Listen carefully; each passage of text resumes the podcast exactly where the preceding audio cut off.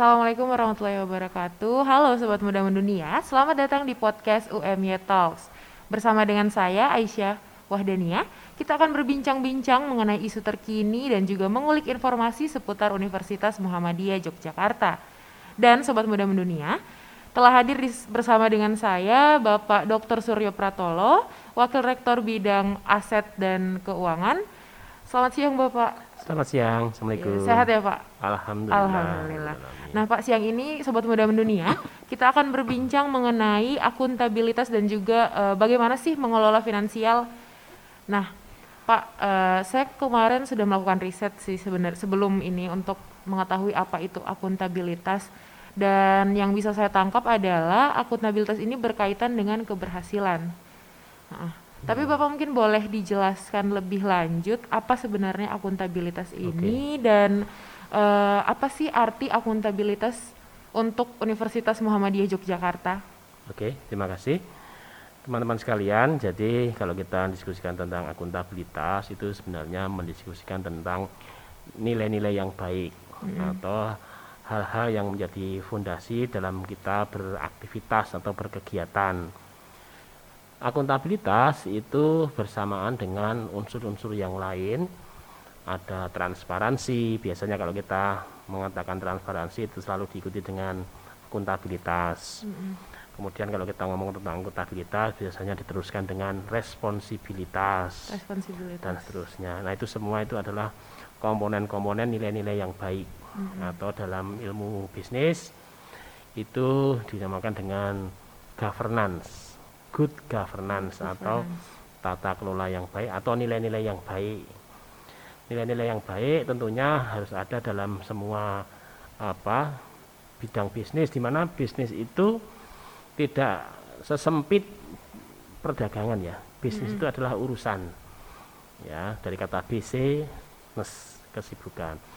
Nah, untuk bisa kita berkesibukan yang bermanfaat dan baik itu harus dilandaskan pada nilai-nilai Salah satunya adalah akuntabilitas tadi. Mm. Nah, coba uh, teman-teman bisa cek di kamus ya. Itu account for itu artinya apa? Itu account for itu artinya menjelaskan. Jadi akuntabilitas itu artinya mempertanggung jelaskan. Kadang-kadang kita bingung dengan istilah mempertanggungjawabkan. Kadang-kadang akuntabilitas itu diterjemahkan sebagai harus bisa mempertanggungjawabkan. Padahal kalau kita bilang tentang pertanggungjawaban itu lebih ke responsibilitas. Nah, kalau responsibilitas, responsibel jelas itu tanggung jawab, mempertanggungjawabkan responsibility.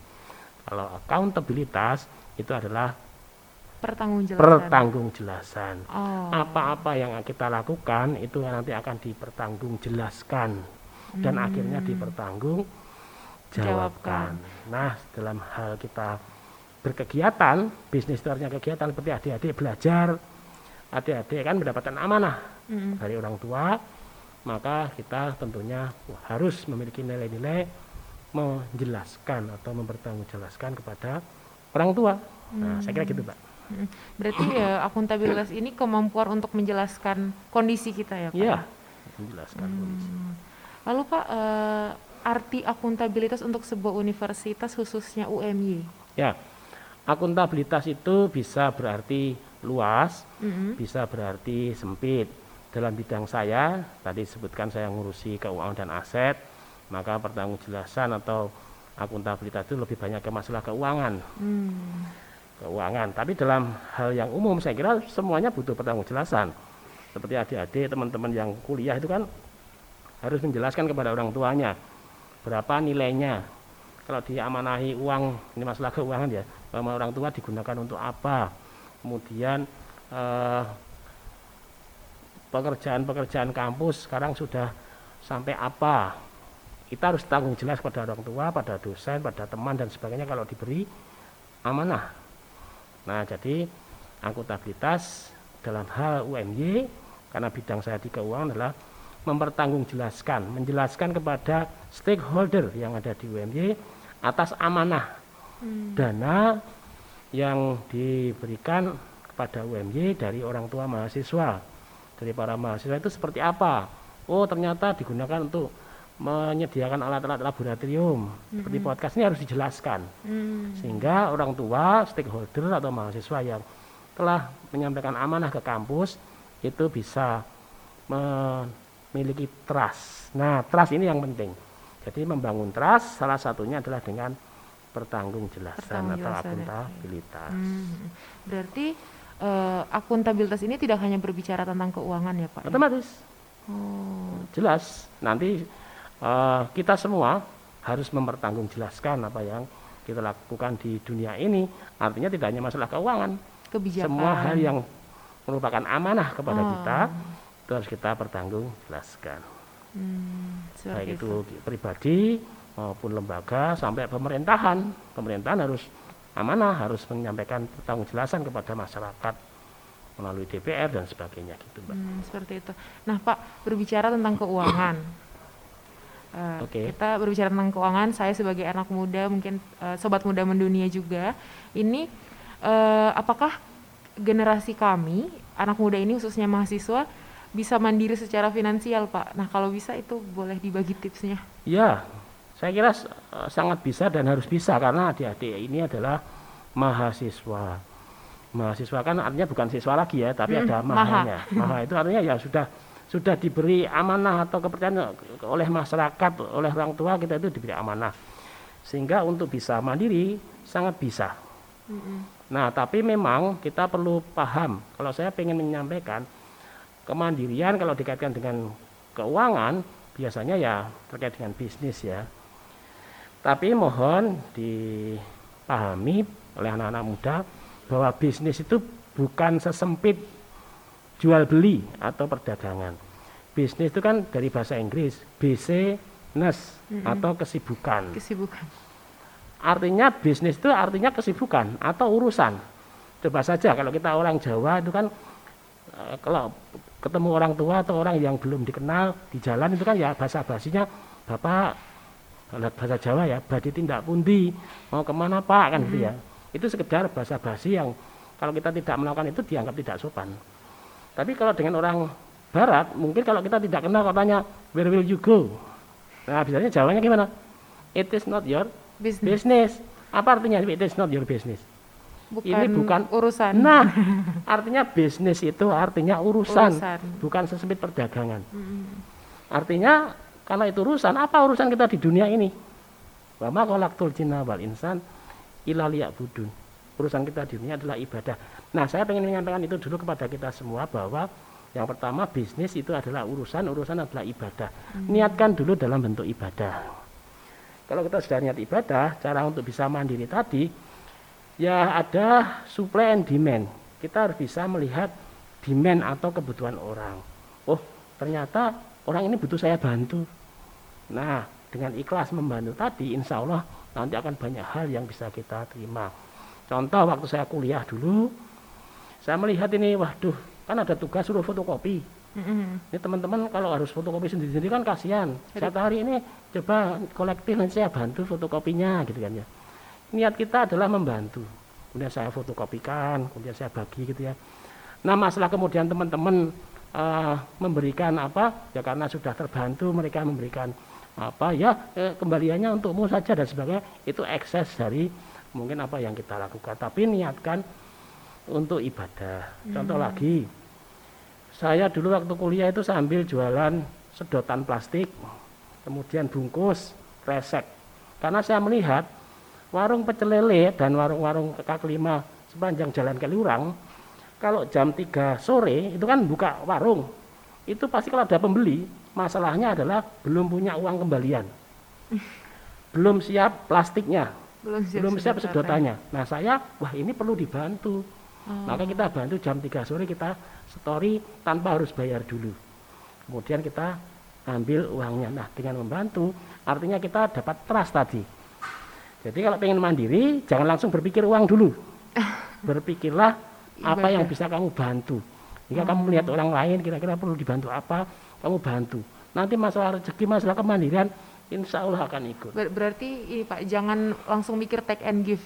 Give dulu. Iya, give dulu. Nah, give dulu. Supply and demand kita lihat Mbak butuh apa? Saya bantu apa? Hmm. Nah, itulah ibadah kita di situ.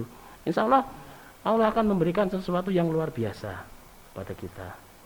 Nah, jangan langsung instan bahwa kita harus dapat duit yang banyak. Wah itu terlalu instan. Kita akan terbangun sendiri dengan kita berniat ibadah tadi. Dan kemudian bisa dipahami seperti itu. Oke. Lalu Pak, eh, kalau tadi berbicara tentang mandiri secara finansial, kalau untuk produktif secara finansial, bagaimana sih Pak caranya biar kita mahasiswa tidak hanya mandiri, namun juga produktif? Ya, produktif itu kan artinya kita bisa berkreasi, menghasilkan suatu ide-ide, gagasan produktif yang bermanfaat bagi orang lain. Mm-mm. Langkah pertama seperti tadi kita mencari betul-betul mengamati ya apa yang dibutuhkan orang lain yang bisa kita bantu. Nanti kemudian kita secara fokus mencoba berkreasi untuk berlatih untuk bisa menghasilkan sesuatu. Mungkin memang apa itu eh, perlu waktu ya. Contoh di kampus kita ini. Di kampus kita ini kan ada Pak Rektor memfasilitasi yang namanya beduk mutu duduk itu bermacam-macam kalau kita lihat. Ada yang jualannya masih sangat simple, yaitu hanya menjual pulsa misalnya. Tapi ada juga yang menjual memang eh, produk-produk yang dia dia buat. Jadi kan levelnya ada tiga. Satu menjual produk orang lain. Produk orang lain pun hanya seperti pulsa, kemudian apa top up dan sebagainya. Itu oke, tapi kita harus terus meningkatkan, jangan hanya di level itu. Kita juga harus naik sampai ke produk itu kita bikin sendiri. Ya, contoh di kampus kita misalnya, untuk bisa produktif kita melihat, uh, ini kok setiap hari kita makan ya, makan di UMY itu berapa habis uangnya gitu ya. Nah, maka bagaimana kalau ma- makan ini kita sediakan sendiri misalnya? Mm. maka muncullah UMB Tuga misalnya ya. Di mahasiswa juga begitu. Oke, pertama kali mungkin lebih simpel ya, hanya menjual apa pulsa dan sebagainya. Tapi kemudian kita harus berpikir kreatif. Apa yang bisa kita buat, yang kita bisa produksi sendiri, kemudian kita bisa mengembangkan itu menjadi produk yang original. Tapi memang tidak bisa langsung, harus pelan-pelan dan nanti akan menemukan. Dan kalau mahasiswa bisa produktif, itu menjadi solusi bagi bangsa ini. Misalnya dalam satu kelas ya, itu yang jadi kalau semuanya pengen jadi pegawai susah jadi beban. Tapi dari satu kelas ini nanti ada lima saja, lima saja satu kelas 40 lima orang itu menjadi produktif, artinya menjadi entrepreneur. Mm-mm. Lima ini mengambil 10 orang, kan sudah 50 orang terbantu dalam satu kelas tadi. Jadi saya kira mahasiswa sangat kreatif saat ini, apalagi anak-anak milenial ya dengan teknologi yang luar biasa itu menjadi sangat cepat untuk bisa produktif karena apa? Melihat peluang lebih luas dibandingkan waktu kami dulu kuliah itu kan belum ada internet seperti sekarang, belum ada medsos seperti sekarang, sehingga sulit mencari apa ya idenya. Sekarang anak muda luar biasa idenya, banyak sekali. Apalagi di Bedung Mutu juga banyak sekali mahasiswa yang berhasil menjual produk yang banyak dan unik-unik produknya. Saya kira Berarti- bisa. Oh, berarti memang bagaimana eh, mahasiswa ini pintar-pintar mencari peluang ya Pak? Ya, yang penting harus banyak berteman. Hmm, relasi. Ya, harus banyak berteman relasi. Di Bedung Mutu itu juga diajar untuk saling banyak berteman. Kalau di Bedung Mutu kita tidak banyak berteman, bagaimana kita bisa menjual produk kita? Iya, iya, iya. iya. Sehingga harus banyak teman, harus baik dengan teman, membantu teman, nanti akan muncul ide-ide yang luar biasa. Hmm, nanti juga bisa mandiri secara finansial ya Pak Otomatis mandiri secara finansial. Iya, iya, iya. Gitu. Lalu Pak kita kembali ke akuntabilitas. Oke. Nah, seberapa penting sih Pak mahasiswa itu mengetahui tentang akuntabilitas universitasnya? Akuntabilitas universitas ya. Iya. Saya kira sangat sangat penting akuntabilitas dalam hal akademik misalnya. Kenapa kok dia itu nilainya C misalnya? Hmm, Nah itu kampus harus bisa atau dosen atau kampus harus bisa menjelaskan sehingga harus bisa eh, dilihat kamu dapat C itu karena ini ini ini kamu tugasnya sekian apa ujiannya dapat sekian. Nah itu berarti si dosen atau kampus bisa mempertanggungjawabkan menjelaskan dari pertanyaan mahasiswa. Oh ya sudah artinya kan mahasiswa menjadi apa? Menjadi trust. Jadi pentingnya akuntabilitas adalah trust Kalau sudah Trust. trustnya turun, tidak ada trust, itu yang menjadi masalah. Oh, dan akuntabilitas juga bisa jadi alat kontrol ya Pak? Otomatis, Oh, kalau oh, tidak akuntabel, misalnya bulan ini biasanya anak itu melaporkan IP-nya kepada orang tuanya, kok bulan yang semester yang ini kok nggak ngelapor ini, oh ini nggak akuntabel ini, wah Iya, mesti iya. ada apa-apa ini. Gitu. Soalnya kalau tidak dilaporkan nanti terjadi kesalahgunaan ya Pak? Ya, Iya, iya, iya. se- permasalahan itu diawali dari ketidakakuntabilitasan. Hmm. Biasanya begitu, diam-diam nggak ngelaporin dan sebagainya. Mm.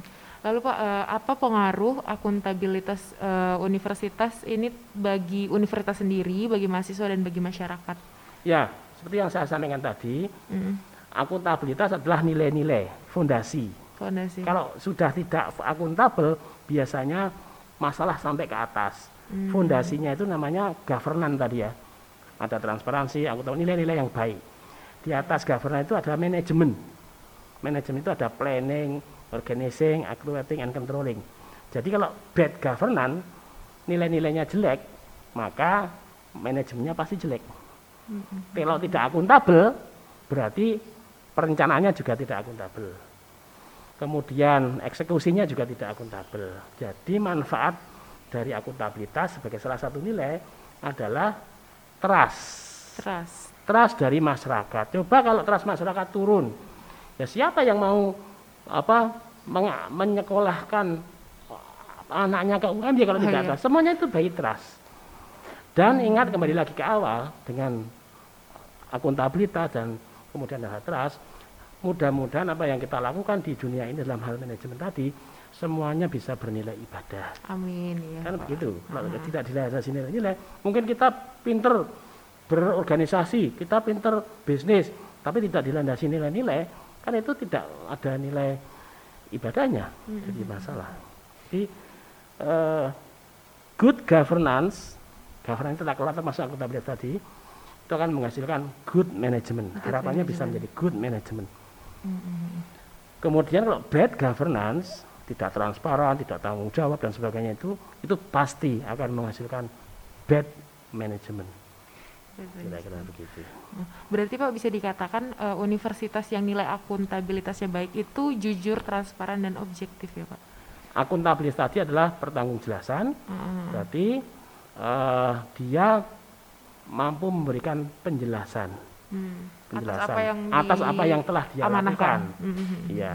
Kalau transparansi itu adalah kemudahan akses. Jadi tidak mungkin orang itu akuntabel tanpa transparan. Hmm. Eh, penjenengan eh, teman-teman, oh saya akuntabel, tapi tidak mudah diakses, ditanya saja nggak mau, tidak bisa. Jadi syaratnya akuntabel itu adalah transparan. Transparan itu berarti bukan berarti kelihatan ya. Transparan itu mungkin kelihatan, tapi tidak semuanya bisa dilihat. Kalau semuanya bisa dilihat itu bukan malah bukan transparan. Itu apa ya bahasa Jawanya ceprowelo-welo. Itu bukan transparan. Transparan itu seperti ya hampir seperti kaca atau apa ya yang tidak kelihatan semua tapi saya tahu bahwa di sana ada orang Ah misalnya. iya iya. Itu transparan. Bukan berarti kemudian kaca bening itu berarti tidak transparan. Transparan itu ya kelihatan tapi tidak semuanya harus bisa dilihat. Ada hak-hak yang bisa dilihat, ada hak-hak lain yang mungkin tidak boleh dilihat. Contoh negara. Ada informasi tentang negara ini yang boleh diketahui rakyat, ada pula yang tidak perlu masyarakat tahu. Misalnya, kita punya berapa apa senjata misalnya. Nah, itu kalau masyarakat tahu kan bahaya. Bahaya. Nah itu ada yang tidak boleh hanya orang-orang tertentu. Misalnya di UMY, letak server kita di mana? Kan nggak perlu orang tahu kan? Iya. Hanya orang-orang tertentu. Nah itu, tapi kalau untuk informasi tentang nilai misalnya, itu harus betul-betul tahu semua misalnya. Gitu. Berarti kalau untuk Universitas Muhammadiyah sendi UMY sendiri Bapak nilai akuntabilitasnya baik ya Pak di mata masyarakat. Ya, eh, baik atau tidak itu memang tidak bisa disampaikan oleh orang yang bersangkutan. Hmm. Masyarakat yang harus menilai. Nah, UMY itu berupaya Berupaya. terus menerus untuk meningkatkan tingkat akuntabilitas tadi dengan kalau di tempat, tempat kami ya di keuangan ya dengan sistem tata kelola keuangan, sistem perencanaan, kemudian sistem apalagi pertanggungjawaban, audit kita diaudit oleh pihak eksternal dan mendapatkan wajar tanpa pengecualian tanpa misalnya itu kan upaya bagi kita untuk mempertanggungjawabkan kepada orang yang tidak kenal dengan kita. Artinya orang yang melihat dari luar. Orang itu kenal dengan kita, tapi dia bukan kita. Tapi kalau kita dinilai oleh ibu kita sendiri, saudara kita sendiri kan ah, nanti kurang independen ya. Iya. Itu oleh kantor akuntan publik yang independen. Nah, itu adalah upaya-upaya bagaimana tercipta akuntabilitas. Batas nilainya kapan itu terus kita tingkatkan terus. Selalu di- berusaha ditingkatkan ya Pak untuk kepercayaan masyarakat juga. Trust. Iya. ya. Baik Pak, mungkin eh, pertemuan kita terbatas oleh waktu. Bapak terima Mbak. kasih waktunya. Kasih, Sobat. Muda Mendia, terima kasih sudah mendengarkan dan menyaksikan di YouTube. Em, sampai jumpa di episode UME Talk selanjutnya.